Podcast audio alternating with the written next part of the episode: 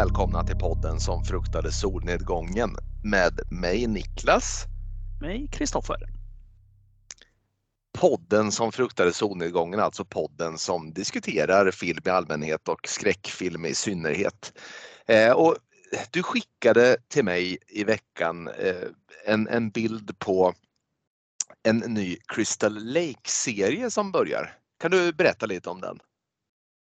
Ja, det är väl det här nu att de har begravt stridsyxan lite gällande rättigheterna gällande just Fredagen-franchisen. Så det skulle komma både en, en ny reboot och en ny film. Det är väl de här, kom ihåg rätt här, men säg Peacock, heter det så? Det är bolaget som ska göra den. Och den här bilden som jag drog till dig, alltså jag vart ju tagen av den här affischen eller postern. Jag vet ju inte som sagt inte om den är fanmade eller inte, men den är för jävla snygg där. Den här lilla pojken som står och blickar ut över, ja, vi får väl anta att det är Crystal Lake då, över sjön. Och så ser mm. man ju Jason då i reflektionerna i vattnet. Det där är ju, eh, och jag vet vi har ju diskuterat Jason Voorhees som sig bör lite till och från utan att gå in djupare på den där filmserien så så har vi ju berört den i alla fall i, i podden här och jag vet att du inte är lika begeistrad som jag är men jag måste säga att jag, jag är ju, tillhör ju den där skaran som kanske, ja det var väl de första skräckfilmerna jag såg var just den här fredag den 13 serien så därför är det med mycket, mycket, mycket stort eh, förväntan och mycket stort hopp som jag mottar informationen om att vi snart ska få se en ny Fredagen. Det gläds vi åt och jag sitter faktiskt i detta nu och tittar på min eh, nattdukslampa här som är en mask av Jason Voorhees. Och bredvid Jason Voorhees här på mitt nattduksbord så står det en eh, Loka-flaska med eh, Loka och det står också en liten bok av Karl Ove Knausgård som heter Morgonstjärnan och då vill jag passa på här och eh, eh, sticka ut en liten, liten varning i eten för er som ehm, eh, har undvikit denna bok. För det ska man inte göra. Den är fantastisk. Jag har inte kommit så långt i den men den är en, en mycket, mycket, mycket trevlig bok som doftar Stephen King och som puttrar på långsamt. Och det har vi också pratat om Hoff att i dagens läge när saker och ting går så jäkla snabbt och det händer så jäkla mycket så är det väldigt lite eh, som kan slå en långsamt puttrande, välgjord, eh, vad det nu är, film eller bok. Rätta mig om jag har fel.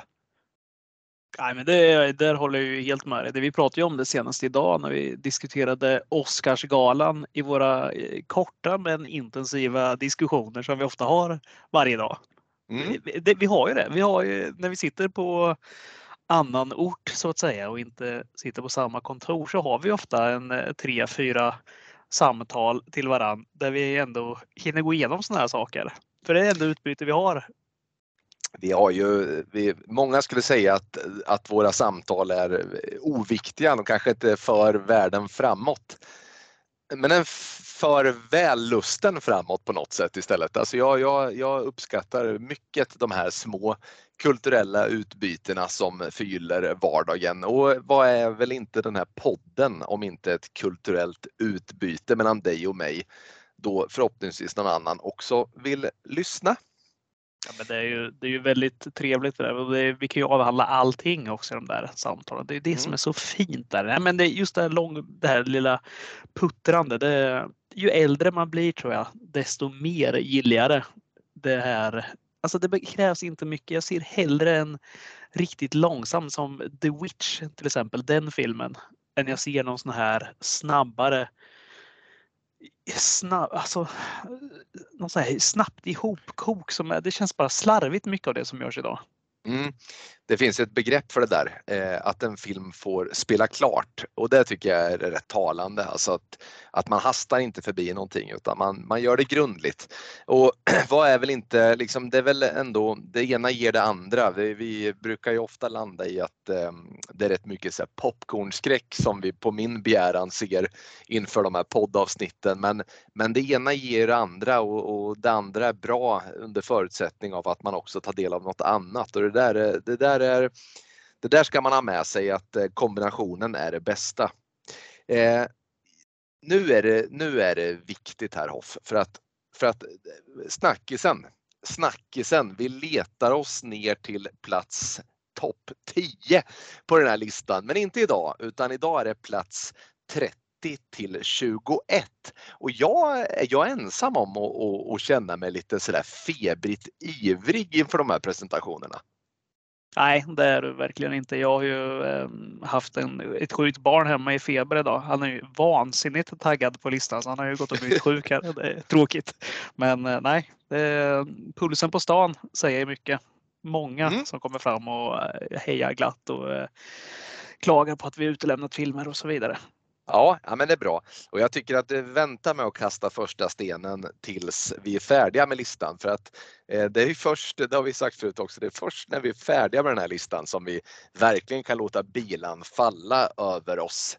Eh, vi har väl fastslagit redan nu att eh, det har spritt sig en liten iskyla i kroppen då och då när vi inser efter den andras presentationer att oj då, den där filmen, den hade jag glömt. Eh, men så är det. Du eh, Hoff, jag tänker eh, vara så pass gentlemannamässig eh, att jag låter dig börja att presentera plats 30 till plats 21 på din topp 100 över de bästa filmerna som någonsin gjorts.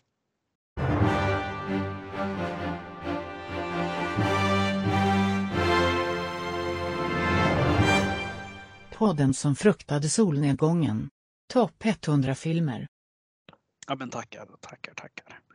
Jag har någon gång sagt att Oliver Stone inte är någon jättefavorit hos mig. Men likt förbannat när man sitter och tittar på en sån här lista så inser jag att det, ja, han är ju rätt duktig ändå och lyckas kanske tilltala mig några få gånger.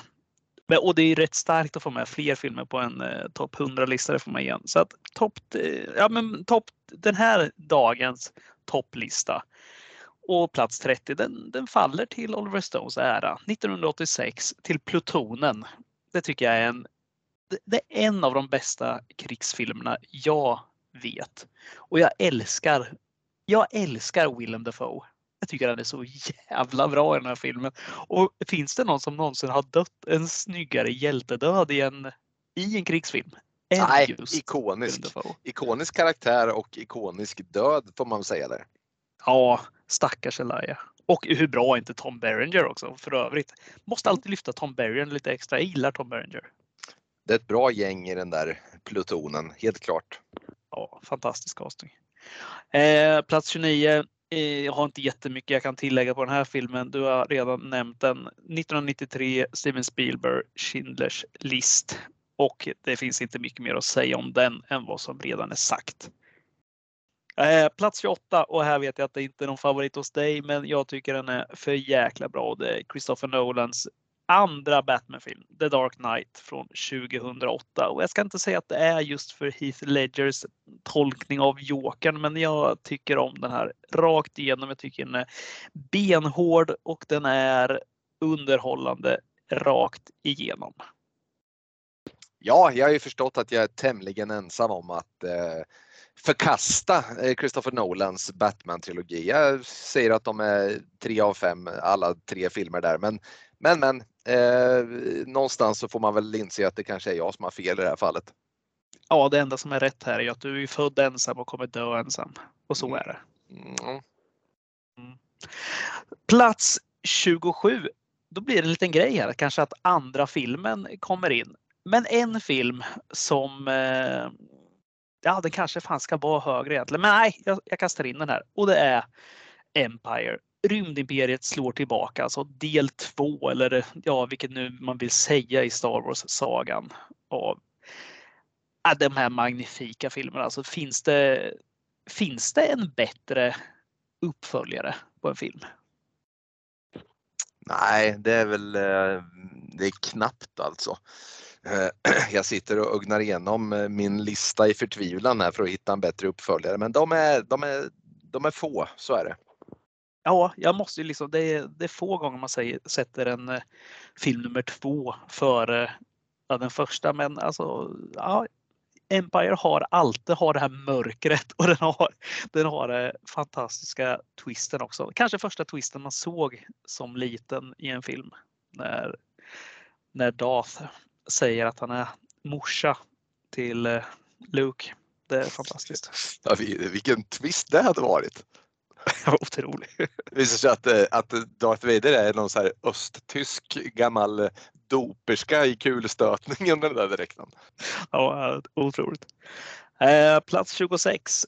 Pulp Fiction 1994, Quentin Tarantino. Och eh, det där är en sån där film, när den kom så vart jag helt golvad. Det var sån här fan så mycket karaktärer. Kan man göra en film och väva ihop alla de här till liksom något bra och det går i det här tempot och sen är det så mycket det är så mycket sjuka grejer hela tiden som jag liksom aldrig var riktigt beredd på. När det kommer in den där The Gimp som, som de sliter fram och Bruce Willis och Marcus Wallace där nere i den där källaren. Det är fantastiskt den här filmen. Visst känns det som att Tarantino satte an en ny standard i och med den där filmen? Att, att säkert många filmskapare där ute, många skådespelare där ute, alltså han, han ändrade helt liksom förutsättningarna för hur film kunde göras. Ja, verkligen, verkligen. Och den var ju, alltså när man såg den, helvete vad bra den var. Alltså. Eller fortfarande, det är ju fortfarande, men mm. första mm. gången, då var det ja, alltid bäst som vanligt. Visst. Plats nummer 25. Och den här du redan haft också. Det är Frank Darabons Gröna milen från 1999. Jag ska inte säga något mer än att den är fantastisk den också. Mm.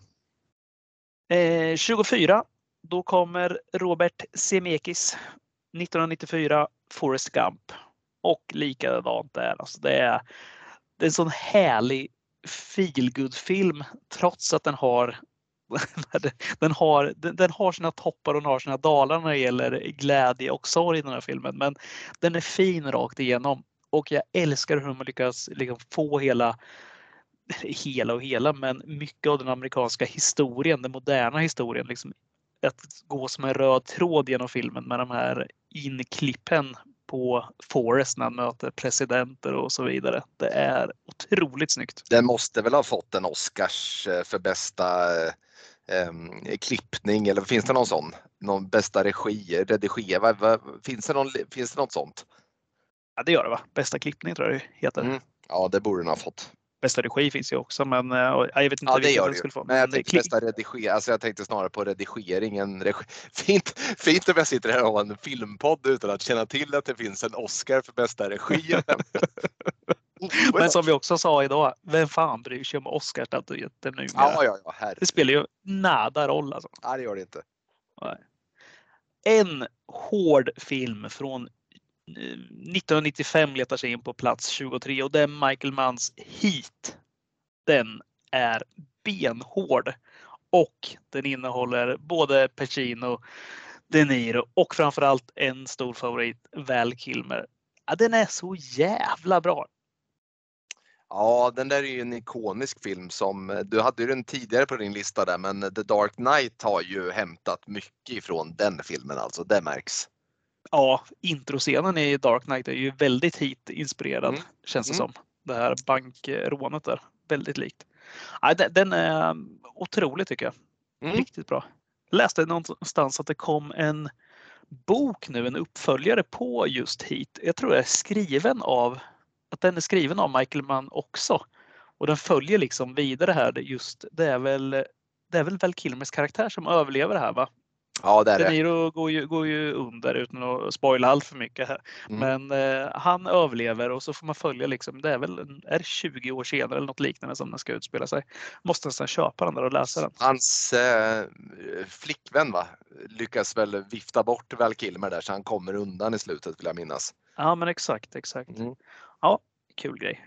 Och plats 22, då hittar vi Jonathan Dems film från 1991, När lammen tystnar. Och det är väl ingen kioskis att den letar sig in på den här listan. Den är eh, otrolig. Det är en perfekt, perfekt film för den som kanske inte eh, älskar skräckfilm men älskar seriemördarfilmer så hittar den här någon slags blandning för att nog fan är den riktigt jäkla obehaglig och läskig den där filmen. Ja visst, den är ju um, den är svår att konkurrera med som thriller betraktad eller som film betraktat överhuvudtaget. Och för att eh, få in lite glädje också på en sån här lista så plats 21, det får gå till Milos Formans mästerverk från 1975 och det är Jökboet. Med kanske en, kanske att det är Jack Nicholsons bästa roll någonsin. Alltså han är otroligt bra i den. Ja, han är så älskvärd på något sätt den här mannen. Ja, det är han verkligen. Och man älskar ju hur han lär känna de här patienterna där inne och den har, eh, ja, men den har, den har ett jäkla bra samspel mellan alla också. Sen även eh, Danny DeVito som en av de här som är intagna är också ruskigt bra. Ja, ja, den är otrolig. Ja, det är den. Det där var väl mina filmer va? Ja, nu börjar vi ju närma oss eh, alltså den här punkten på listan då det, då det skulle förvåna om det dyker upp något alltjämt dåligt. Så att eh, det är väl eh, idel eh, mästarklass eh, får vi väl säga. Är det då dags för Niklas att eh, ta fram listan här? Pergamentet rullar jag ut i Papyrus. Papyrus, Paparum, åker fram. Mm. Och så börjar jag med plats nummer 30. Den här har du haft tidigare. Jag, jag, vet du vad, det, det, börjar så här bli att jag också kanske till och med kommer missa eh, vad du har haft och inte. Eh, vi får eh, väl, ehm, vi får väl stanna upp, du får väl stoppa mig om, om det är någonstans där du vet att du har haft den med och jag har missat det. Men den här har du haft till att börja med då. Och året är 1968 och det är Roman Polanskis Rose Marys Baby. För vad vore väl en topp 100-lista över världens bästa filmer i en skräckfilmspodd som inte innehåller den filmen. Ja, men den, den, den har ju du pratat om och den är ju otrolig och snygg och olycksbådande. Vet du vad den också har? Den har ett för jäkla snyggt omslag med den här eh, barnvagnen. Ja, det är, är grön, bra. grönaktig, väldigt ja. snygg det är någonting med filmer alltså med att man säljs in med ett riktigt schysst omslag. Det, mm. det ska man göra. Det, det finns det ska inte... vittna om något. Ja, verkligen. Ja, det, är jävligt snyggt. Och så ligger ju hon i bakgrunden med ansiktet. Ja, den är jävla grym. Mm. Otroligt bra. Nästa film har du också haft eh, och då är det plats nummer 29. 1982, Steven Spielbergs E.T. Eh, och, ja, alltså i en filmpodd så vi behöver väl inte gå in så mycket mer på den här filmen utan den är ju ett fantastiskt äventyr om eh, dels att vara barn men också eh, om eh, rymdens oändlighet och eh, lite snyft och tårar och eh, government som jagar utomjordingar. Ja, den innehåller det mesta. Ett mästerverk. Eh, plats nummer 28 och nu är det den äldsta filmen som jag har med på min lista. Året är eh, 1957 och regissören är Sidney Lumet och eh, filmen är 12 Angry Men eller 12 edsvurna män med bland andra Henry Fonda. Och jag vet inte hur många som har gjort ett sådant projekt men eh, jag började någon gång i mitt liv att jag skulle beta av så många filmer jag kunde på IMDBs topp 250. Och eh, det här är ju före då alla Avenger-filmer kom och Batman kom och så vidare. Så att i alla fall då, jag vet inte hur det är nu, så var 12 edsvurna men till och med en topp 10 och jag kände väl innan filmen att det här är en sån här film som jag bara måste ta mig igenom nu så att jag kan ta mig vidare på listan. Men döm av min förvåning när jag eh, var så tagen av den här filmen. Det kändes som att hela tv-rutan höll på att brisera av denna nerv som finns i den här filmen. Jag tycker den är magisk och ett måste. Och för guds skull låt er inte luras över att filmen har några år på nacken är ju någonting med såna här rättegångsdraman. Alltså det blir oftast jäkligt bra på film. Ja, och sen just att det blir lite som ett kammarspel också för det, det är ju, den har ju i stort sett ingen scen som är utanför det här rummet där de här, den här juryn då ska komma överens om, om lämpligt straff. Eh, så att nej, den är tät. Mycket bra. Plats nummer 27 1984 James Camerons Terminator. Och det här är ju då eh, den första filmen då såklart i den här Terminator-serien som kom att bli rätt många filmer. Eh, och den här är ju inte den här actionfilmen kanske primärt utan mer av en lite rysaraktig eh, rulle med underbar 80-talskänsla och det här lite mer lågbudgetkänslan som man får som är ja, en magisk film helt enkelt. Ja, den är alltid lika sevärd den där. Eh, plats nummer 26. Milos Forman 1975 Jökboet. Ja men där kommer den! Ja, där kommer den. Ja. Eh, nej men eh, det är som du säger där, den är ju, ja, det går liksom inte att komma underfund med hur, hur jäkla bra den här filmen är. Och det är en sån här film som man kan se om många gånger. Så det är inte bara den att, att den är så rolig och, utan den är väldigt dramatisk också. Den, den, har ju något att berätta den här filmen. Ja, den, är, den är fantastisk så att jag, jag håller med om allt du sa. Jag tänkte nog att jag skulle försöka se den här Ratched också, den här i den här serien som gjordes om den här eh, Ja men hon, antagonisten. Ja, i, ja exakt. Mm. Men jag har inte fastnat och kunnat göra det. Jag har inte hört någon som har liksom snackat upp den heller. Ja, Okej, okay. nej. nej jag, jag, den där har undgått mig lite grann tror jag. Så att, eh, ja. Plats nummer 25. A New Hope 1977. Första Star Wars-filmen. Och det är lite intressant här nu för nu har vi haft Jökboet och du har haft Rymdimperiet slår tillbaka. Men jag väljer att placera eh, alltså film nummer fyra eller ja, film nummer ett beroende på hur man ser det. Och ehm, ja, jag har ju hört det berättas eh, av människor som är äldre än jag som faktiskt såg den här på bio när den kom. Och att den vände upp och ner på hela tillvaron mer eller mindre och man håller de här filmerna lite så här förgivna nu. Men eh, man får liksom inte glömma vad George Lucas faktiskt gjorde med, med film eh, i och med de här filmerna. Nej, den är ju, alltså, den är ju fantastisk. Det finns ju inget dåligt i den alls. Nej, Vilken jäkla och, saga alltså. Ja visst och sen Alec Guinness med. Alltså det är så härligt att man får in honom som Obi-Wan. Ja. Som, som inte ens gillar filmen efteråt heller. Så tycker jag att det liksom bara är blaj där. Ja visst. Men han är bra som Obi-Wan. Ja, men han, han skulle antagligen varit bra som i Predmannen också. Ja, troligtvis. Troligtvis är det så. Härligt hade det varit. Jävligt oväntat. Sjunger han också? På svenska också. Mm. Nu ska vi se. Den här har du haft på din lista. Eh, plats nummer 24. 1987. The Hitcher eller Liftaren med eh, Rutger Hauer Ah, det är ju, den här är ju, är, är den en, ett unikum i dess kombination av skräck, spänning, humor och eh, intensitet? Ja, den har ju allt. Det är, det är som en tacotallrik det där, alltså. den har allt.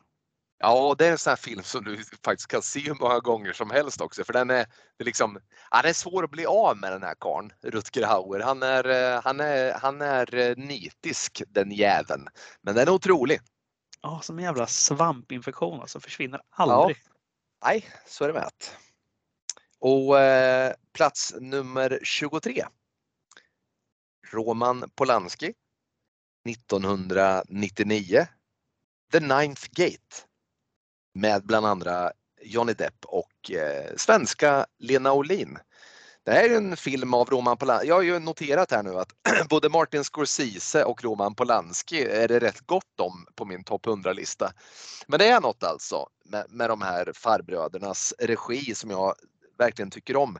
Ninth Gate är en av de filmer som faktiskt har blivit ganska nedskrivna. Eh, och, och, men det övergår faktiskt mitt förstånd. Alltså bara plotten i sig om den här eh, litteraturvetaren eller vad, vad, ska vi kalla honom? Han är någon form av, eh, han, han jagar ju böcker som han säljer vidare sen i andra hand. Då. Eh, och han är på jakt efter en eh, samlings eh, en samling böcker då som sägs vara skrivna av Lucifer eller eh, Lucifer, den, den lede själv då. Och bara man hör den, den eh, pitchen så blir man ju, eh, jag har ju känt mig tvungen att se den filmen eh, därefter. Och eh, inga, inga sorger efter det utan jag tycker att det är en fantastisk film faktiskt. Ja, den är spännande rakt igenom och jag vet att jag jämför den för bara ett tag sedan med Ice Wide Shut, stora delar av den och det gör jag igen här för att jag tycker den påminner väldigt mycket om den. Det hade Ice Wide Shut haft lite mer eh, övernaturligt i sig och lite mer eh, skräck så ja, det, mm. Nej, men det, den, är, den är för jävla schysst alltså. Den är, den är ball hela Utan liksom att ha några så här riktiga effekter heller. Det är väl någon gång den här damen där svävar ner för en trappa ungefär. Det är mm. inte ja. mycket mer än så i den. Ja, men precis och det är just det som jag tycker är så coolt med den filmen att den, är in, den ger inte intryck eller sken av att vara någon övernaturlig film. Men så bara kommer den scenen som får ja. nästan att haja till. Och jag, jag, tycker att det är riktigt klädsamt faktiskt. Så att det här är faktiskt en stor favoritfilm för mig.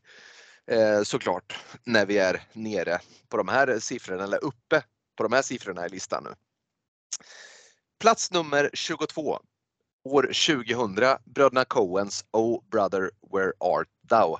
Och det här är en sån här film som kanske är den film som har gjort mig gladast någonsin av alla filmer jag någonsin har sett magiskt soundtrack, magiskt skådespeleri med magiska karaktärer, fantastisk dialog. Den som jag minns allra bäst förutom då George Clooneys eh, karaktär som är så besatt av att eh, hitta den här hårgelén. Det är ju John Goodmans eh, bibelförsäljare som sen visar sig vara en del av Ku Klux Klan också i den här filmen. Nej, men den är, den är helt fantastisk. En stor, stor favoritfilm. Ah constant sorrow. Mycket bra. Mycket bra. Då har vi eh, en film kvar och det är plats nummer 21 och jag pratade senast då när jag tog med eh, Black Phone eh, om eh, det svåra i att ha med nya filmer på sån här lista men, men i det här fallet så skulle jag nog faktiskt vilja, jag måste bara ögna igenom de andra filmerna som är kvar här nu så att jag inte säger något som absolut inte stämmer. Men jo, det kan jag då säga. Eh, att troligtvis så är det här enligt mig 2000-talets bästa film så här långt. Eh, det är en film som tog mig med fullständig häpnad och som verkligen eh, bjöd på så mycket mycket att minnas. Och jag har faktiskt dess ganska rejäla längd till trots redan sett den tre gånger sedan den kom 2018. Eh, så plats eh, 21 då, Spike Lees The Black Klansman. Och det här är ju en film som delvis baseras på, på en sann berättelse om hur en ehm, eh, mörkhyad eh, polis då eh, lyckas snärja och komma Ku Klux Klan på, på eh, i, i hälarna då eh, och lyckas infiltrera eh, Ku Klux Klan genom att då ha hjälp av den här Adam Driver då som eh, spelar den, den icke mörkhyade polisen som då blir sänd ut eh, att snärja Ku Klux Klan medan Denzel Washingtons son, jag har glömt vad han heter, det är han som sköter hela kontakten eh, med Ku Klux Klan-ledarna på eh, telefon då. Eh, nej men den är, den är både rolig och den är otroligt spännande och den är, den är fantastiskt välgjord. Och det är en sån här film som jag kände när jag läste om från början, så här, ah, men, jag vet inte, så här, Spike Lee, det, det, är inte alltid som hans filmer har gått hem hos mig. Så här, jag har dragit mig lite för det. Men när jag väl såg den så, så var jag helt betagen. Eh, har du sett The Black Clansman? Nej, det där är mitt dåliga samvete fortfarande. Den, eh, den ligger för långt bak i skallen så jag kommer aldrig ihåg den. Men eh, givetvis den där ska jag ta och se nu. Nu ska jag, mm. nu ska jag karva in det på min underarm här så att jag kommer ihåg den. Eh, ja men gör det för att den är helt otrolig och, och som sagt var det är um, det, det, ja, jag tror att den filmen har någonting för alla. Den är, den är samtidigt också gripande. Sen har jag en stor favorit. Jag tycker alltså Denzel Washington, det är ju, råder inga tvivel om, han är en av världens genom tiderna bästa skådisar. Men hans son, jag skäms nu över för att jag har det inte framför mig. Jag vet inte vad han heter karln, men han är också otroligt bra. Men John stor... David Washington. John David Washington, otroligt bra.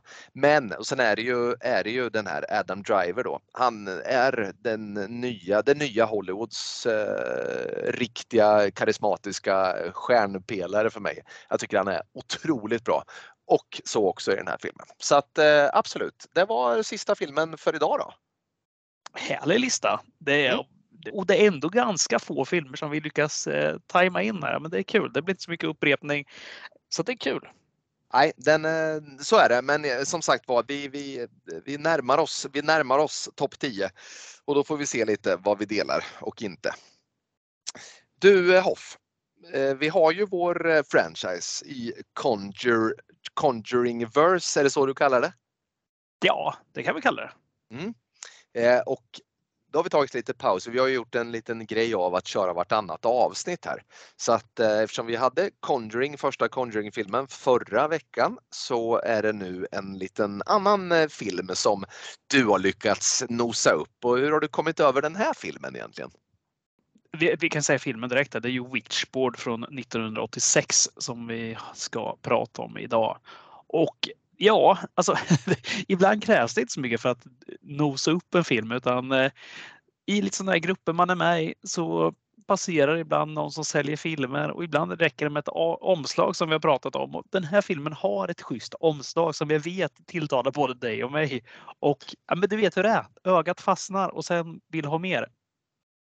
Ja, det, det, det har vi faktiskt. Låt oss repetera oss där det finns ju ingenting som är så trevligt som ett så här halvanimerat eh, 80-tals skräckfilm hårdrocksfodral som det här ju är. Den här postern skulle lika gärna kunna tillhöra liksom den senaste skivan av Demon eller något. Ja, vad vet jag. Otroligt bra. Ja, och alltså, man är ju inte svårare än så. Så, alltså, det säljer. Det, eh, snygga omslag har alltid varit en eh, kul grej för mig. Det är samma, samma. oavsett om det gäller liksom film eller musik så är det alltid sådär böcker med. Det är alltid det som man liksom plockar ner först från hyllan. Om än så bara för att titta på och känna lite. Mm. Absolut. Ja. Nej men eh, vi har alltså en 80-talare här igen då. Som, som jag håller alltid lika högt. Jag brukar ju basha ner på 90-talsskräcken. Inte för att det är dåligt, men jag tycker alltid 70 och 80 brukar eh, kunna leverera en annan typ som eh, passar mig bra. Eh, och Witchboard som sagt var, jag har ju jag, jag ju, när, jag, när jag funderat på den här filmen så har jag ju i mitt inre kallat den allting. Eh, först och främst har jag kallat den för Witchfind, vilket är fel för det är, för att återkoppla till hårdrock, det är ju ett så här new wave of British heavy metal hårdrocksband från England. Jag har kallat den för Spellbound och Witch Hunt och allting, men den heter alltså Witchboard och ingenting annat. Och året är 1986. Eh, har du sett någonting utav den här Kevin Tenney, han som har gjort den här filmen? Något annat han har gjort? Nej, jag har verkligen inte gjort det. Jag försökte gå igenom lite och kolla vad, vad han har gjort för filmer, men det är liksom inget så som riktigt sticker ut här när jag kollade den här Night of the Demons som jag blev väldigt sugen på att se dock. Men annars nej, han har, han har inte gjort så där jättemycket. Han har gjort någon så här Pinocchios hämnd som jag känner igen omslaget på. För det, om det här har ett snyggt omslag så har Pinocchios Revenge ett fruktansvärt fult omslag istället. Mm, är det han Benjamin Syrsa med på omslaget? Ja, nästan alltså. Det är inte långt ifrån. Så att, eh, ja, det, ser dåligt ut. Nej, det, jag har inte sett något mer. Har, har du sett något mer? Av Nej, jag gick faktiskt igenom listan här och jag kände inte igen någonting. Men på, på något sätt så tycker man ändå att det är lite härligt det man ser. Eh, för det är inte bara som sagt var den här postern som, som är bra utan eh, framförallt så var det den här Night of the Demon som tilltala även mig nu när jag tittar eh, lite närmare. Du, eh, ska du, kan inte du pitcha lite och eh, berätta för mig och våra lyssnare vad den här filmen handlar om? En collegestudent blir förtrollad av att använda sin väns Ouija-bräde som efter ett misstag lämnats kvar på hennes fest. Detta resulterar i att hon blir terroriserad av en illvillig ande. Ja, stort tack för eh, denna eh, rafflande inledning. Och vi får ju också lära oss att det heter inte Oja-bräde utan Ouija-board. Eh, hur har du uttalat Ouija-board tidigare, Kristoffer? Eller har vi lärt oss något i den här filmen? Jag tror jag har lärt mig någonting. Jag tror jag också har sagt innan så här, oja eller Ouija. Så jag har försökt böja till det. Det är säkert ett sånt där ord som låter, du vet säger man det hundra gånger så har man sagt det säkert 90 gånger olika, med olika uttal. Och varje mm. gång ser man lika nöjd ut och som att det här kan jag. Men Wia boards är ju ändå ofta, eller ofta, vi såg ju ett Wia board i Exorcisten vill jag minnas 1973. Ja, eh. Regan sitter ju och leker med sånt där. Någon eh, ska ta fram Captain Howdy där eller? Ja, skulle hon inte ha gjort. Ja, det är dumt gjort av henne. Jävla Regan. Vad tycker du om eh, Wia boards och spirits och eh, anden i glaset och, och, och den typen av takes på skräckfilm? Det är ju alltså det passar ju perfekt in i en skräckfilm. Sen är det här så långt ifrån liksom mig själv man kan komma. Jag har liksom aldrig haft något sånt där som man lekt med eller haft något liknande hemma eller så här, lekt de där lekarna. Men jag, jag, tycker det funkar rätt bra i skräckfilm. Det, det finns ju rätt många. Så jag vet att Paranormal Activity körde någon nu som heter så här Ouija board eller något liknande. Sen fanns det någon annan som heter just kanske Ouija bara som kom för ett tag sedan. Ja just det, det... den tror jag har sett. Ja, precis. Ja. Någon kvinna som står i någon form av brygga nästan va, på framsidan. Ja, jag får mig den. Så det, det mm. funkar ju rätt bra. Alltså, men det, det, är klart det gör det. Det är ju de där eh, de här eh, spelbrädan eller vad fan man ska kalla det. Alltså, de ser ju alltid otäcka ut. Det ser inte ut som en monopolbricka direkt som man häver fram med så snygga kanter och så vidare. Det är inte Norrmalmstorg som ligger där och lockar. Ja, det hade varit ju... väldigt roligt. Skräckfilm som handlar om, om, eh, om Monopol och Norrmalmstorg och Österlånggatan och allt vad det heter precis. Centrum är besatt. Det vill du inte hamna på för alla som dör, dör inom sju dagar. Det hade varit jävligt svagt. Ja, Ta in på det här hotellet men det råkar vara Bates hotell din jävel. Det är över för dig. Det hade ju varit rätt schysst annars. En skräckfilmsmonopol som är bara kända ställen. Som man går ja, på. just det. Ja, Hamna på The Shining hotellet där. Det vill man inte köpa. vill man verkligen inte göra. Overlook. Men du, ska vi göra enligt, eh, enligt vanlig standard eller att vi eh, går in på våra karaktärer? Karaktärerna. Vill du börja och, och vad ska vi börja med? Ska vi börja med eh, Ja, det känns väl ändå rimligt att börja med eh, huvudkaraktären Linda i det här fallet. Va? Mm. Ja, men vi tar Linda. Linda mm. Brewster. Det är ett härligt namn. Mm hon, ja vad har vi på Linda liksom? Hon är, ja, men hon i 25-årsåldern, 25-30 någonstans där. Det är väldigt där. svårt att säga på den här tiden tycker jag. Alla ser ut att vara ett spann mellan 25 och 40 mer eller mindre. Alltså det är ju här eh, pudelfrisyrerna och axelvaddarna och mm. det här översminkade så det, det är svårt. Det, det, det, kan lätt dölja sig i tio år hit och dit. Absolut. Nej, men hon, eh, vad är hon liksom? Hon, hon barntörstande tycker jag hon känns direkt. Liksom. Hon eh, går, hennes stora dröm är att få barn känns det som med sin pojkvän Jim. Och hon liksom, eh, ja, gillar att festa, gillar att ha kul, gillar att leva livet. Hon är väl, man får väl ut, säga så här, alltså hon är väl den hade det varit en sån här film med med skolans snyggaste tjej så misstänker jag att Linda Brewster hade varit den som är skolans absolut topptjej. Ja, det skulle jag tro. Och samtidigt med ett ganska gott hjärta för hon är ju inte direkt någon tuffing sådär.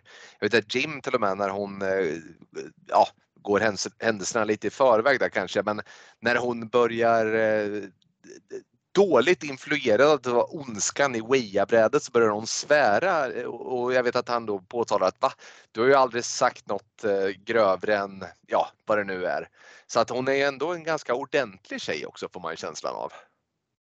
Ja, så tolkar jag också det. Jag, jag, vet inte om vi riktigt får reda på om hon jobbar med någonting eller går i skola där, men de bor ju på ett så här ställe som nästan skulle kunna vara något slags Ja, men, inte att det är ett så här collegerum för alldeles för stort men det känns som att det bor fler folk i det här huset och det är inte liksom ett vanligt hyreshus heller. Förstår du vad jag menar där? Ja, ja men absolut och jag vet att han Brandon, vi kommer till honom, men han påtalar att hon inte har varit uh, I missed her in class uh, säger han ju. Uh, och Då vet vi inte om det är att hon är en elev och att han går i samma klass eller om hon är lärare rent av. Men i och med att hon bor där hon gör eller att de hänger där de gör så, så känns det ändå lite som att det skulle kunna vara något college-ställe. Så att ja, mm. det är lite oklart. Ja, nej, men vi kan väl säga så här. Det känns som att hon kommer från lite mer eh, välbeställd familj i alla fall. För att det, liksom, det, är inte, det är inget litet råtthål hon bor i heller. Utan, eh, och där, det är väl det vi får lite kontrasterna. Vi, vi hoppar från henne tycker jag till hennes pojkvän då som är Jim, Jim Moore. Och han, mm. ja men det är väl kontrasten där. Han är ju en sån här riktig men vanlig kille utan några egentligen drömmar. Va? Han är ju den här, ja, men han, han tar dag för dag, jobbar som en så här constructor säger de väl i, i mm. USA, men så här, byggare är väl det närmsta vi kommer och kalla han. Någon slags allt i allo på byggen känns han som. Precis. Och han har ju ett stort problem med att visa känslor. Ja, det har han såklart. men han, han, och det är ju också rätt eh, kul därför att Eh, de motiverade ju att hon, hon har ju valt i och med att hon är ganska pryd och, och sådär så gillar hon väl ändå att liksom röra sig lite nära det som inte är hon. Och Jim är ju verkligen inte hon utan han, eh, han svär och är lite av en tuffing och så vidare. Eh, och det är, väl, det är väl nästan en, en trio här som vi måste presentera ungefär samtidigt. Eh, ja, Linda men du innan, har... Innan ja. vi går in på det vill jag bara säga det att det Jim alltid säger till henne är ju rakt taget från Star Wars. Varje gång Linda ska lämna rummet från Jim så säger hon ju alltid I love you. Och vad svarar han för någonting? I know. Varje gång. Varje ja. gång. Det här blir ju en stor ja. grej i filmen också. Men det, jag ville bara säga det för att det är så ja. extremt, ligger rätt i tiden också. Just mot ja, det gör det, det gör det. Ja, och han är väldigt tuff också så därför säger han I know. Eh, nej, men det där är, eh, ja, den här duon då har ju en tredje part också som på ett eller annat sätt påverkar dem och det är Brandon. Och Brandon är en eh, före detta pojkvän till Linda och en före detta barndomskompis till Jim. Eh, vad vi inte vet riktigt är om fnurran på tråden mellan Jim och Brandon uppstod när de blev ihop eller om den sträcker sig längre tillbaka. Det vi vet och det vi också upptäcker ganska snabbt direkt i filmen är att Brandon och Jim, de gillar inte varandra. Nej, de, eh, nej, de går inte ihop alls där och det är ju otroliga kukmätartävlingar mellan de här i vad de än håller på med. Så att säga. De eh, mm. kan ju inte diskutera någonting utan för de har ju olika åsikter om allt. Och eh, något som blir väl ännu tydligare är väl att Brandon inte har släppt Linda heller, utan han är där. Han, nu kommer vi in på det igen. Han blir Lamberts när de sitter på de här festerna. Han ska dit, han ska hålla handen, händerna ska ja. massera, han ska vara där i håret på henne och hålla på. Äh, men han är, han är kladdig. Mm. Och om Jim är då den här fåordige, eller han är inte fåordig, men om han är den här lite känslokalle, constructing workern eh, så är Brandon snarare en lite mer, de kallar honom ateist förvisso, men han är ju ändå spirituell och han har full förtröstan i det här med Ouija-brädor och dess inverkan på den materiella världen. Så att det är ju det är ändå två typer av grabbar där, så även om de tuppar mot varandra så är, det, så är det inte riktigt samma karaktär, Jim och Brandon, utan de skiljer sig lite åt och man får känslan av att Brandon, han är mer utav den här akademikern kanske då, Jim ska vara den här eh, klassiska arbetaren som inte tror på någonting annat än det hans ögon kan se. ja, verkligen. Det är väl till och med Brandon som säger det här hur man uttalar det här. Det är någon som säger fel har jag för mig om Ouija-brädet. Och då säger han, rättar han så här, nej men det kommer från Oui som är franska och, och sen tyska. Ja. Så att Ouija. Och det, åh, säger alla, gud du är så duktig och påläst, du är så bra. Ja, han är väldigt duktig. Han är väldigt ja, duktig. väldigt duktig. Nej, men det är kul. Eh, och det, det här Wia-brädet, alltså vi, vi måste nästan, ja, i och med att det är Brandon som lanserar det här Wia-brädet så måste vi, vi måste stanna lite vid den här processen. Eh, om inte någon mot förmodan är särskilt eh, bevandrad i vad ett Wia-bräde är väl inte jag heller. Men vad vi vet är att det är någon form utav, eh, ska vi säga, eh, mer primitiv och eh, kanske mer så att säga lagboksenlig version av anden i glaset så är det alltså någon form utav eh, träpjäs som förs över ett alfabet eh, och, och, och, man kan då ställa frågor till en ande och den här träbiten flyttar sig då så att det bildar ord som då ska gestalta andens svar. Vad, vad tycker du om de här scenerna med det här Wia-brädet och hur det funkar eh, i den här filmen? Ja, men det funkar väl rätt schysst ändå. Alltså det är utan att eh, det är inga effekter pålagda där utan det är två som sitter med sina liksom fyra händer och för den här träbiten fram och tillbaka över här. Och sen eh, ser det ut som att den stannar på bokstäver eller på yes och no för det är det vi har. Vi har ju siffror, alfabetet och sen yes och no som den kan stanna på. Jag tycker ändå det blir rätt effektfullt. Liksom. Den eh, glider över där. Så här, ja, alltså den stannar ju inte direkt på någonting utan den glider över, så här, låtsas hamna där och sen smäller det till och då hamnar den på yes eller no och så vidare. Jag tycker det funkar riktigt bra. Och Brandon han har ju sen tidigare då får vi veta att han har ju kontakt med eh, anden av en tioårig pojke som har dött som heter David. Och David eh, får vi ju veta är en, eh, en, en trevlig ande. Det är ju en snäll pojk. Eh, men inledningsvis då så blir ju den här, det vi tror är David, upprörd över att han blir lite hånad av Jim. Jim som överhuvudtaget inte köper det här med andar och Wia-bräden. Eh, och det, det är det vi har och, och jag, jag, tycker också att eh, om vi ändå ska stanna kvar lite vid karaktärerna så, så måste vi nämna Sarah Beth. Vi kommer till ett läge då man ska jaga ut, alltså Linda blir ju förföljd av en ande som jäckar henne i vardagen. Och eh, Brandon lanserar då en, ett medium för att eh, driva ut den här anden. Eh, och mediumet heter Sarah Beth och jag vill att du berättar för mig vad du tycker om Sarah Beth. Ja, det är ju ett jävla namn till att börja med. Liksom. Hon heter ju Sarah Beth och sen bara slår ihop det där till det så att det låter som en så här fantasinamn där. Väldigt roligt. Jag måste bara ta ett sidospår där. Jag hade en eh, gammal klasskompis som hette Lennart. När han, eh, han eh, DJade vid sidan om skolan och då DJade han under namnet Len Art. Jag vill bara säga det. Det är ungefär lika svagt. Så att, eh, skål Lennart om du DJ fortfarande går bra. Så vill jag bara säga det.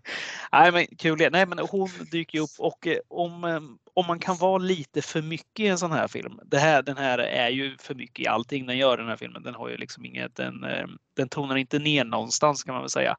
Men den här Sarah Beth. Jag tänkte direkt på Cindy Lauper när hon dyker upp. Förstår du vad jag menar då? Mm. Det är liksom färger. True Colors Sydney. Exakt, det är färger ta mig fan överallt och det är så här, det är ja men new age liksom. Hon skriker kristaller och eh, allt möjligt trams den här Sarah Beth som dyker upp och hon är filmens stora comic relief på något sätt. Men eh, jag vet inte, lika mycket som jag störde mig på henne när jag såg det så skrattade jag lite när jag tänker tillbaks på det nu. Jag tyckte ändå hon var lite härlig. en annan sak som man tänker på när man ser den här typen av film där det är så givet så att säga presenterat att det här med andar i ett Wia-bräde, de existerar verkligen. Och det är inte i små sällskap som eh, du vet där det är likasinnade inbitna eh, som upplever samma sak utan det, det, det, är väldigt tydligt att de här andarna de finns och ni kan vara hur många som helst. De, tydligt är det och de syns verkligen andarna eh, och, och effekterna av dem. Och jag menar, hade det varit på riktigt, det hade ju varit sensationellt. det hade ju varit fullständigt sensationellt om det hade varit så tydligt att det här med Wia-bräden funkar. Det är det som jag tycker, det, det, det, det är det som blir så konstigt i en sån här film att, att eh, Eh, jag hade väl valt att dramaturgiskt göra på något annat sätt. Lite mer otydligt att det här är andar. Inte att det räcker att sätta sig i en ring och det bara sprutar andar åt alla håll. Jag menar det hade ju varit liksom, det hade ju varit det enda som hade funnits på nyheterna såklart. Men den här Sarah Beth då, hon är ju, hon är ju, hon håller ju på också mycket med det här vad hon säger, kallar för psychic humor. Va? Att det är ofta så här, eh, ja men jag glömde min kristallkula. Eh, nej, jag bara skojade, Det var ju bara att säga klart jag inte har kristallkula. Så eh, men men, men eh, Sarah Beth, hon går ju också en mycket hisklig död till mötes. Är det den ändå den splattrigaste och schysstaste scenen vi har att jobba med gällande hennes bortgång. Ja, den är, ja men den är rätt härlig ändå. Det, och, men jag tycker, det, utan att avslöja någonting ännu här, men alltså vi, vi får ju ändå, vi blir ändå insålda med idén om att det inte alls är säkert att det är det här WIA-brädet som är ja, men som, som spökar allt för mycket. För att det, jag hoppar lite bara här. Jag ska komma tillbaks till Sarabeth död här, men det, det, är ju liksom den här eh, Jim, hans eh, kollega på ett av de här byggena blir ju dödad eller mördad eller han dör. Han får ju en sån här eh, lift över sig kan man väl kalla det. Mm. Och där får vi reda på liksom att repen är kapade som en del av det. Och där blir vi insålda med idén att jaha, men Jims hammare eller kniv saknas och det, det, är den som antagligen har kapat de här repen. Så att det, det, det och vi får en polis inkopplad på det här fallet också. Det, vi ska återkomma till han med tänker jag. Men, eh, så att där tycker jag ändå liksom vi har fått den här eh, insålt att det kanske inte är Wia-brädet med de här, även fast andarna uppenbarligen flyger överallt i den här filmen. Så att det, eh, ja, men just scenen hemma hos Sarah Beth när någonting flyger igenom hennes lägenhet och slår in dörrar och sen kommer yxan. Ja, den är köttig och hon flyger ut genom rutan och landar på, ja vad är det för någonting? Är det muren eller något liknande? Ja, det är någonting som eh, kameran dröjer sig kvar på i alla fall när hon går in i sitt hus. Man inser att den där kommer att eh, spela en central del i hennes eh, eventuella bortgång här då. Vet du ja, vad? Jag får ja. känslan av Final Destination i den här filmen. Du, jag tänkte på exakt samma sak när jag såg den så att ja, vi tänker lika där. Mm, det är mycket det här med, ja men alltså, ja alltså, ja nu ska vi inte föregå saker och ting men oftast så syns ju inte, de sprutar överallt andarna men de, eller ja, nej, de, de flyger fram överallt andarna. ja, ja, man ska inte ha någon UV-lampa när man jagar dem där. De har sprutat överallt tydligen. Ja, väldigt kul. Vi, vi såg vi samma film. sån här, sån här ande Bukaki. Ja, det är fruktansvärt. Ja, nej.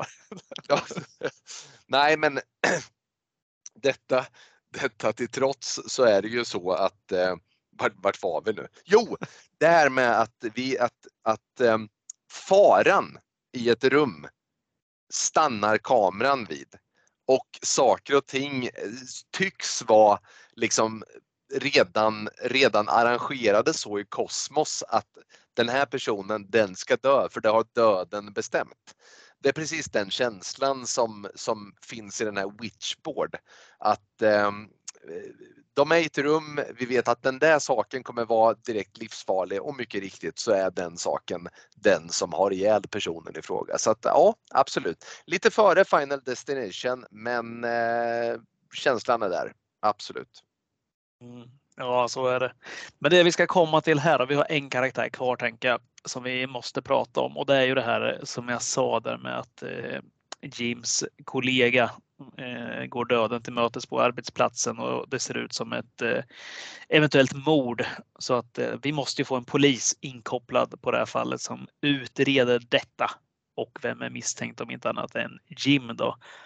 Och då har vi den här polisen, Lieutenant Dewhurst vad, alltså, vad, vad ska man säga om den här polisen egentligen?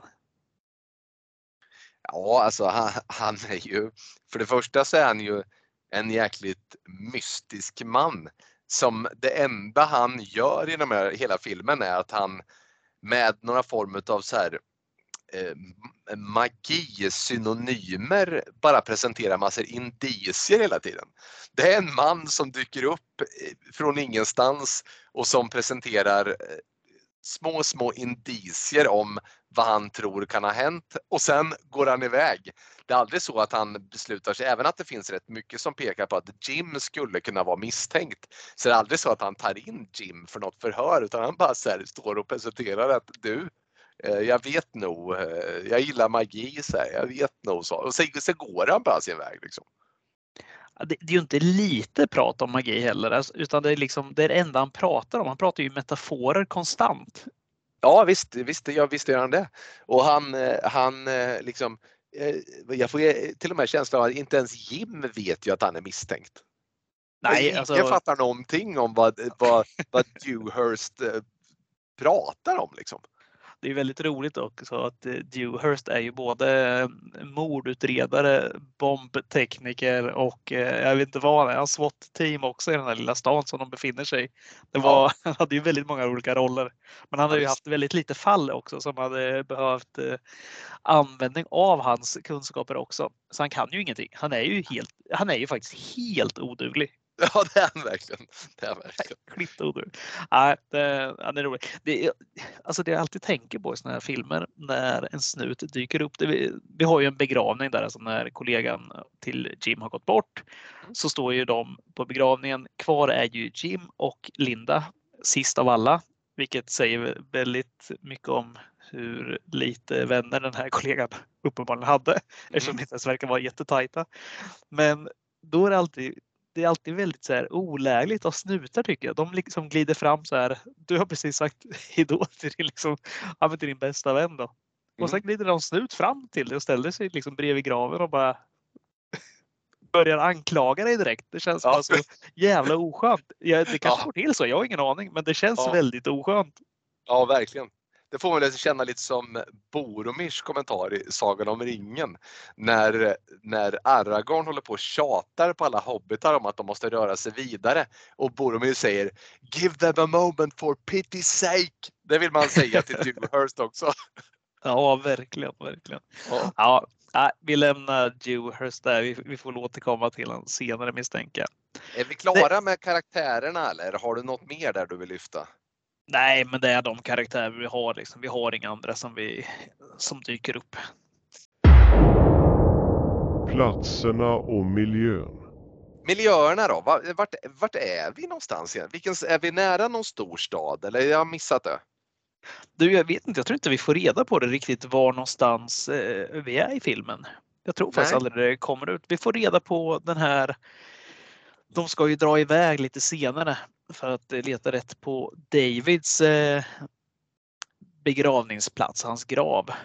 Så att, eh, jag, skulle tänka mig att vi är lite, lite norr uppe i USA. Det är i alla fall intrycket jag får. Mm. Men ja. Eh, ja, min geografi kan ju vara helt uh, fakt också. Vi kan lika gärna vara i Florida. Ja, jag vet faktiskt inte var vi är. Nej, och filmens handling är ju ofta eh, förpassad till Lindas och Jims hem. Eh, vi rör oss eh, bitvis också då lite utanför, eh, som du sa här nu då, när, när Jim och Brandon sen slår sina påsar tillsammans och ger sig ut för att eh, leta efter dig, eller ska vi säga eh, anledningar till varför, varför David dog helt enkelt som de tror kan spela någon roll för Eh, gången framåt då. Eh, vad, vad, tycker du om, hade, det, hade filmen mått bra av att ha en tydligare inramning eller tycker du miljöombytena är bra eller hur funkar det? Det tycker jag funkar bra. Det, alltså, det är ju inget man behöver klaga på i den här filmen. Var, var de är någonstans. Det, det fyller liksom nada funktion. Så länge det där WIA-brädet följer med, vilket uppenbarligen gör, för det, det går liksom inte att lämna ifrån sig. Så spelar det ju faktiskt nada roll var var vi befinner oss någonstans. För att det är väldigt lite fokus på miljön runt om. Jag var tvungen att googla precis när vi satt här också nu och eh, tydligen är de i Fairfield, Kalifornien. Så att eh, min eh, geografi var alltså helt fakt som vanligt. Eh, ja, nu när du säger det så har väl eh, det nämns nog någon gång, men det är inte så att det spelar någon jättestor roll. Men det är ändå lite miljöombyten i den här filmen och det, det tror jag att den eh, mår ganska så bra av faktiskt.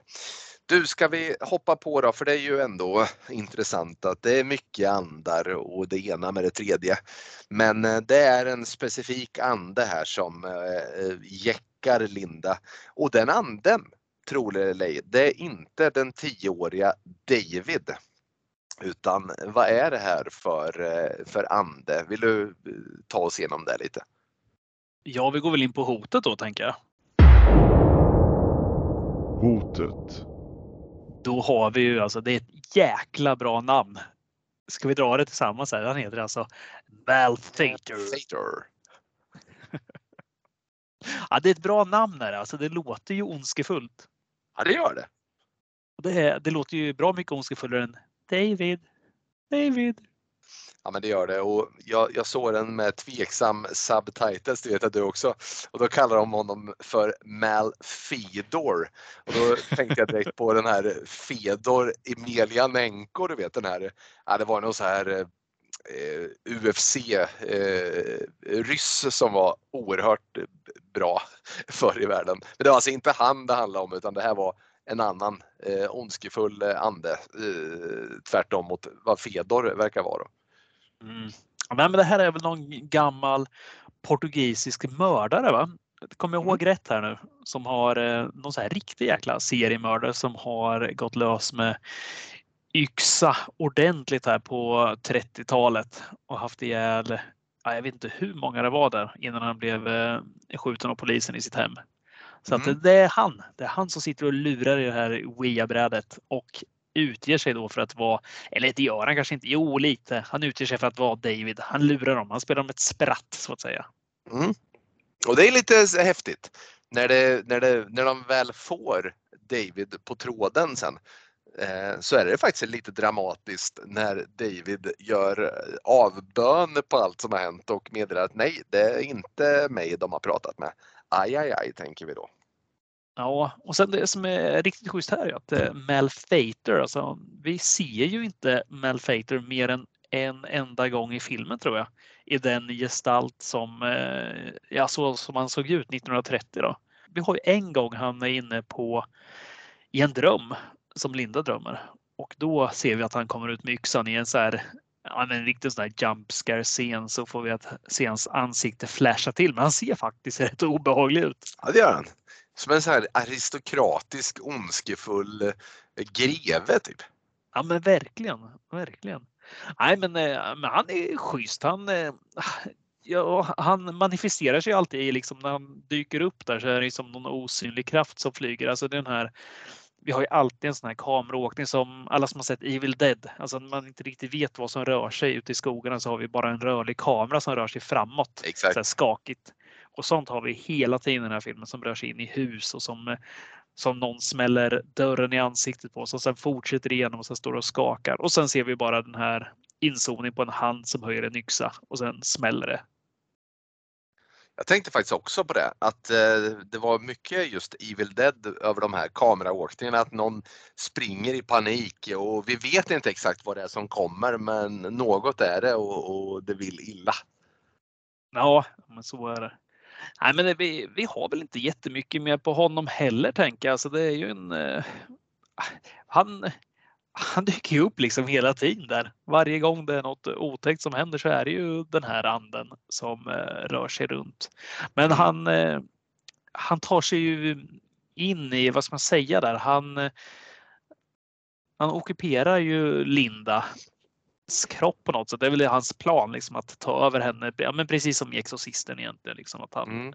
Precis som Reagan blir besatt så blir ju även Linda besatt i den här filmen också.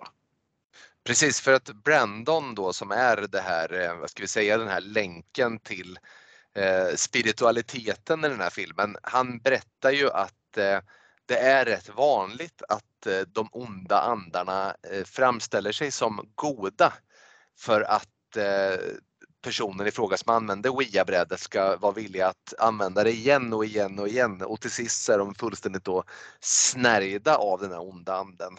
Och Linda får ju faktiskt hjälp av, av Malfator att eh, hämta sin gamla förlovningsring som har åkt ner i, i vasken där. Och hon frågar eh, och sitter vid det här Wia-brädet hela tiden. Och till sist så, så är ju Malfador då eh, manifesterar sig i Linda som då inte riktigt är sig lik längre. Och den når ju sin kulmen mot slutet då, då hon faktiskt ger sig på Jim och försöker döda Jim och prata med, du vet, för henne en omöjlig röst, en sån här mörk röst då som ska vara Malfadors eh, röst nej, ganska effektfullt och, och lite så här småhärligt. Mm. Jag tänker att vi, vi måste nästan spoila slutet här för att jag vill prata om det. För att jag, jag måste, vi Men måste är det prata inte så om att vi alltid måste få spoila alla filmer vi pratar om? Jo, det, det gör vi. Det, vet ju alla som lyssnar också. Så att, Ja. eh, vill man Ja. så stänger man av annars. Men det gör ni ju inte. Ni vill ju höra också. Sen kan ni se Mm. filmen.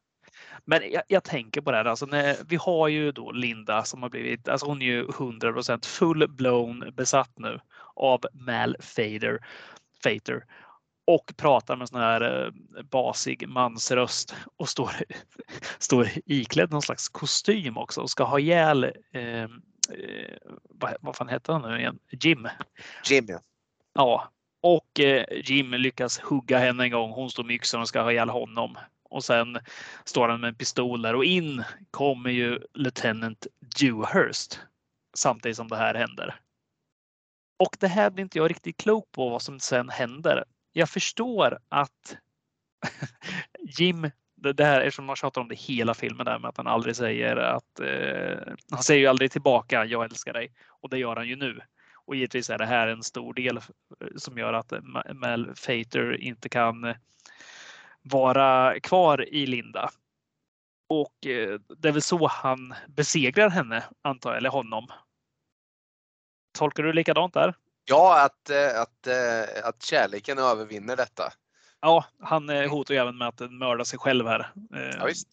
och sätter ju kul, eller pistolen mot tinningen då och ska trycka av. Men, men det jag inte blir klok på riktigt det är ju att den här Lieutenant Dewhurst, han eh, kommer in här samtidigt som Jim då hugger Linda med någon liten kniv. Det är väl inget dödande hugg, men i vilket fall. Och då blir ju den här Dewhurst, han blir ju omkullvräkt av den här besatta Linda precis innan hon liksom kommer tillbaka till den vanliga Linda. Så han flyger in i väggen där och det ser ut som att han, ja men han, eh, det går illa med han skulle jag säga. Mm. Det, man får inte, liksom inte riktigt veta, dog han eller inte? Vad, vad hände för någonting? Ja, oklart. Eh, Ja. Eller nej, eller, särskilt oklart är det inte, men, men det borde vara oklart. Alltså det, det enda logiska här skulle jag säga att han dör. Eftersom han håller på att utreda hela tiden de här morden som sker runt Jim. Det är det enda hans roll går ut på i filmen. Mm. Och det blir ju aldrig uppklarat någonting vad som händer för att eh, även eh, eh, Brandon dör ju. Eller gör han det? Han får en yxa i huvudet. Men Ja. sen simmar han och kommer upp ur vattnet. Men allting tyder på att han är död.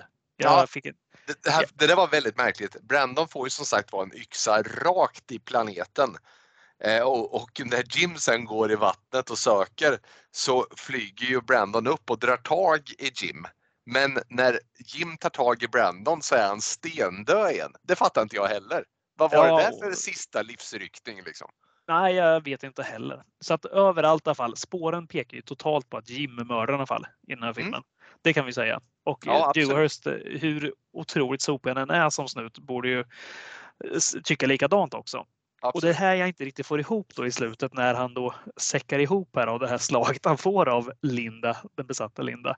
Och sen om man då vaknar upp på något sätt, då borde ju all kraft gå åt att försöka skjuta Jim här skulle jag tro, eftersom han har sett honom hugga henne. Det är ju det enda logiska han skulle kunna göra. Eller haffa honom eller på något sätt göra. Men istället så fejdas det ut liksom där att Dewhurst flyger in i väggen. Sen, sen hoppar vi liksom framåt. Vi tror att, eh, ja vi ser ju att Jim också kastas ut genom ett fönster. Vi tror att han dör. Men istället så hoppar vi framåt kanske en månad i tiden eller liknande. Och vi är, det ser ut som en begravning först men det visar sig vara deras bröllop istället. Ja, visst. Och sen är det liksom inget mer. Vi vet inte vad som hände med. Nej. Och vi, ja, det bara var så här. Jag, jag vill bara veta hur klarade sig Jim från allt det här? Ja, hur han klarar sig utan att åka dit ja. Ja, det, Ja, det, det är oklart. För att- Fullständigt oklart. ja, för att någon måste ju kommit till den där olycksplatsen där han har flugit ut genom ett fönster. Hur förklarar han det? Har de blamat allting på Dewhurst istället? Är han syndabocken helt plötsligt? Ja, det hade varit klädsamt med en presentation av den lösningen i så fall. Är det, det är ju ett otroligt svagt slut. Är det? Ja, det är, det är extremt svagt. Ja, det är så. Och någonstans så kände jag också så här, men är det, är det, är det, är det nu så att eh, den här Malfator har snärjt Jim? Att det är han som står där med bruden i slutet eh, på bröllopet? Men nej, det tror jag inte. Det finns det inget som pekar emot.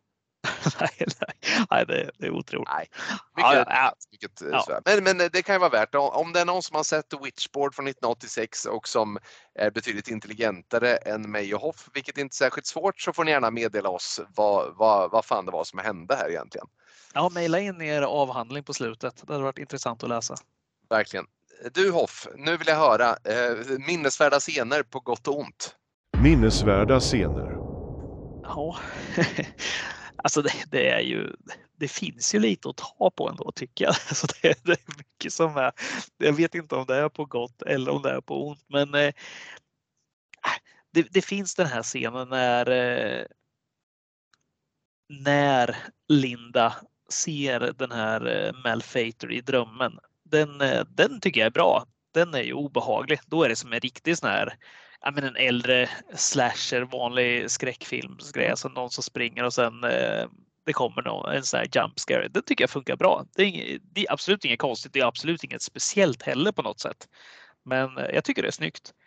Sen, eh, sen är jag svag för såna här scener som introscener de har den här festen. Alltså alla såna här festscener från 80-talet. Men du vet så här med kufar. Det, några som ser ut som så här ja, men, som Brandon som ser ut som en så här riktig eh, så här, kostymnisse som är helt malplacé på den här festen.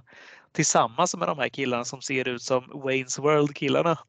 Ja, liksom, ja. alltså jag, jag är sjukt svag för det här. Så finns det en, en vrålsnygg tjej mitt i alltihop och du vet, du vet ju exakt hur alla de här kommer eh, beskrivas. Liksom. De, de här töntkillarna sitter och, och röker och dricker direkt ur flaskan medan den här andra välbärgade killen sitter där och är nykter. Liksom. Och, ja, men jag, jag gillar det där på något sätt. Ja, jag tycker ja. det är så otroligt 80-tal och kul på det sättet. Sen är det otroligt töntigt men, ja, men jag gillar bara hela den grejen. Det är schysst musik, det är fula kläder och det är mycket neon och ball miljö. Och det som är så himla underbart är att de, de liksom sparar ju inte. Alltså, direkt så hamnar du i händelsernas centrum. Det är fest, det är alkohol och det är en uppenbar schism direkt som man blir varse. Eh, de pratar, alltså ja, jag håller med dig. Det, det, det är verkligen känslan av att slänga sig rakt in i hetluften här och det är härligt. Ja, sen jag måste bara ta en sak till också. Det var, vi har ju en scen när Linda, eftersom det här är en 80-talsfilm och äh, det går inte att se såna här filmer utan att förstå att det finns det andar, det är en sån här snygg tjej som inte har gjort något innan, det kommer vara tuttar också. Då ska hon stå där i duschen och det är likt förbannat måste kameran leta sig lite, lite neråt så att vi får se det också. Men den scenen som jag tänker på när hon står och duschar, den är väldigt lik eh, Nightmare on Elm Street. Tänkte du på det också? Ja, den är extremt lik den scenen. Jag tänkte inte på det då, men nu när du säger det. Ja, de här dörrarna låses ju liksom. Hon blir kvar där inne i en skållande varm dusch. Äh, det, det är så extremt eh, snott rakt av. Mm, ja, verkligen. Nej, jag ska, Eh, inte, nej, men jag ska inte sno upp hela filmen här utan du ska ju givetvis få säga dina scener också. Nej, fast jag tycker att de scenerna du tar upp här nu ändå är rätt två schyssta scener, även om en är minst sagt inspirerad av Elm Street där. Jag tänkte ta, ta upp en, en fullständigt värdelös scen faktiskt. Där, där, ett, där det, skådespeleriet är alltså olagligt dåligt. Eh, så dåligt så att det blir kul. Det är alltså inte så att man sitter och lider utan att jag skrattade och fick titta bort lite grann bara, men, men det gjorde ingenting. Det är alltså en scen där, alltså som sagt var, det kanske inte framgått så väl av vårt samtal här, men Jim och Brandon är gamla barndomsvänner eh, som hatar varann numera. Men någonstans här så eh, när, när Linda eh, de blir varse att Linda, hon är hårt ansatt av en ande. Ja, men då måste de samarbeta. Och eh, då står de i lite av ett trapphus och Brandon berättar för Jim att ja, men han måste få hjälpa till här för att han har dåligt samvete över att ha infört det här Wia-brädet i deras gemenskap. Ehm, det, är, det är bara så jäkla svagt skådespeleri att jag undrar hur regissören överhuvudtaget kunde släppa förbi det här. Han, han, eh, han han gråter då Brandon, eller han försöker gråta här Brandon, men han hämtar sig ganska snabbt. Och så här. Jag kan inte förklara det annat än att, att det var länge sedan jag såg något så uselt i Cederberg.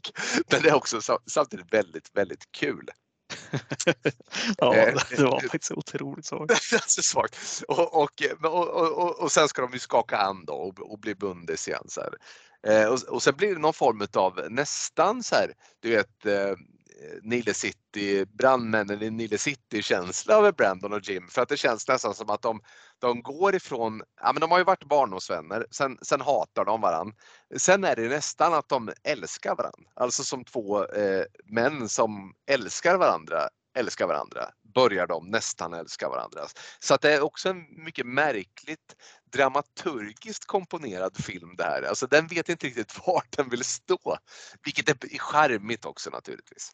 Ja, det är väl liksom nackdelen när man gör en film så här på så kort speltid. Tänker jag. Allting går ju väldigt fort och väldigt rakt på. Det, är inte, det kastas ju inte ut några dimridåer här inte. Nej, det gör det inte. Eh, men du Hoff, vi eh, knyter ihop säcken tycker jag. Ge mig några ord och ett betyg. Ja, vad som vi inte har sagt redan. Nej, men, ja, Ja, eh, men jag tycker det här är så här. Jag tycker att den här filmen funkar jättebra när man har, ja, när man inte vill ha något för avancerat så funkar det jättebra att se en sån här film. Det är exakt som när vi såg den här andra filmen Chocker. Det är exakt samma typ av film. Du kan liksom koppla bort allt vad eh, sammanhängande heter för det finns liksom ingenting. Allt, all logik är som bortblåst. Det är bara liksom njuta av åkturen.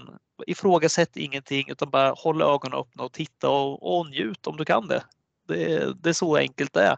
Sen är det ganska schysst musik i slutet också. Man så här 80-tals pudelrockband som antagligen aldrig slog igenom men fick eh, kasta in sitt enda stora spår i den här filmen. Så att eh, nej, och eh, sen var det även en kul grej där att led huvudpersonen också var tillsammans med David Coverdale så jävla länge och att eh, det var därifrån man kände igen henne från alla gamla Whitesnake videos. Tog hundra år att försöka komma på att det var därifrån men ah, kul grej. Nej, 3 av 5 skulle jag ge den här filmen och eh, jag kan absolut rekommendera om man bara vill ha någonting och vila ögonen på en trött fredagkväll. Nej men det, du säger det bra. Jag skulle nog vilja fokusera lite på att Ja, men alltså jag älskar ju den här typen av film. Jag sitter och tittar nu på en alternativ poster där eh, Malfeators ansikte syns. Och, nej, men det, det, är snyggt och jag känner ju liksom att jag, jag behöver liksom inte motivera för mig själv efteråt nu varför jag såg den här filmen. Eh, utan den, den, eh, den fyllde sitt syfte. Det jag kan tycka att den hade mått bra av för att eh, liksom, om vi väl har landat där vi landar då att, att den här filmen går väldigt fort. Den eh, tar sig inte tiden att eh, liksom göra klart utan den är ganska hafsig och slarvig bitvis. Så är den också väldigt underhållande men där den hade mått bra av och där jag känner att den hade kunnat påverka Eh, det är eh, att den hade mått bra av lite mer grafiskt våld faktiskt. Jag, hade, jag tycker nog att man hade kunnat ge dödsscenerna eh, lite mer kärlek, lite mer effekter, lite mer smink och lite mer genomtänkt än att någon bara får en yxa i huvudet eller blir spetsad. Alltså, jag, jag tycker att så här långt fram i 80-talet så så hade vi sett otaliga exempel på filmer där faktiskt dödsfallen är väl genomarbetade. Och det, det kan jag känna att det är de inte riktigt i den här filmen. Eh, det är så... lite, lite glatt hela tiden också. Det är väl kanske ja. just det som gör att de inte blir så himla häftiga.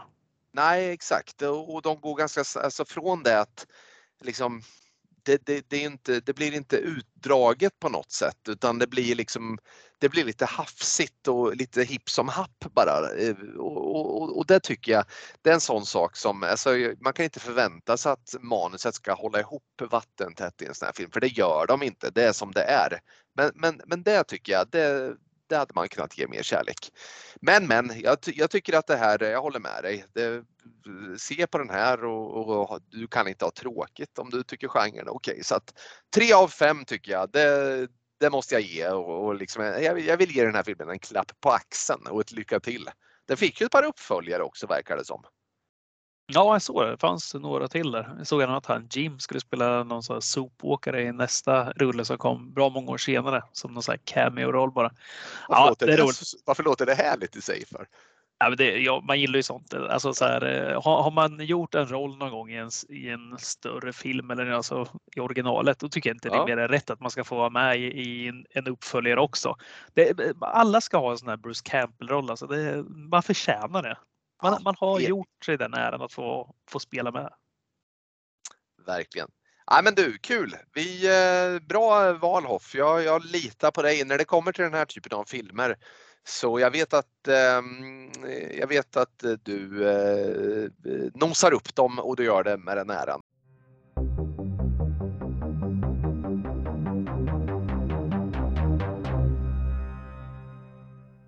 Och nästa vecka, då fortsätter vi i Conjuring Verse och ser då filmen om den här onda dockan Annabelle som vi har fått stifta bekantskap med i första filmen. Den har ju fått en fristående filmserie till och med och vi kommer ju se alla filmer där. Men nästa vecka alltså Annabelle. Ratta in oss då så, eh, så syns vi helt enkelt i nattens mörker. you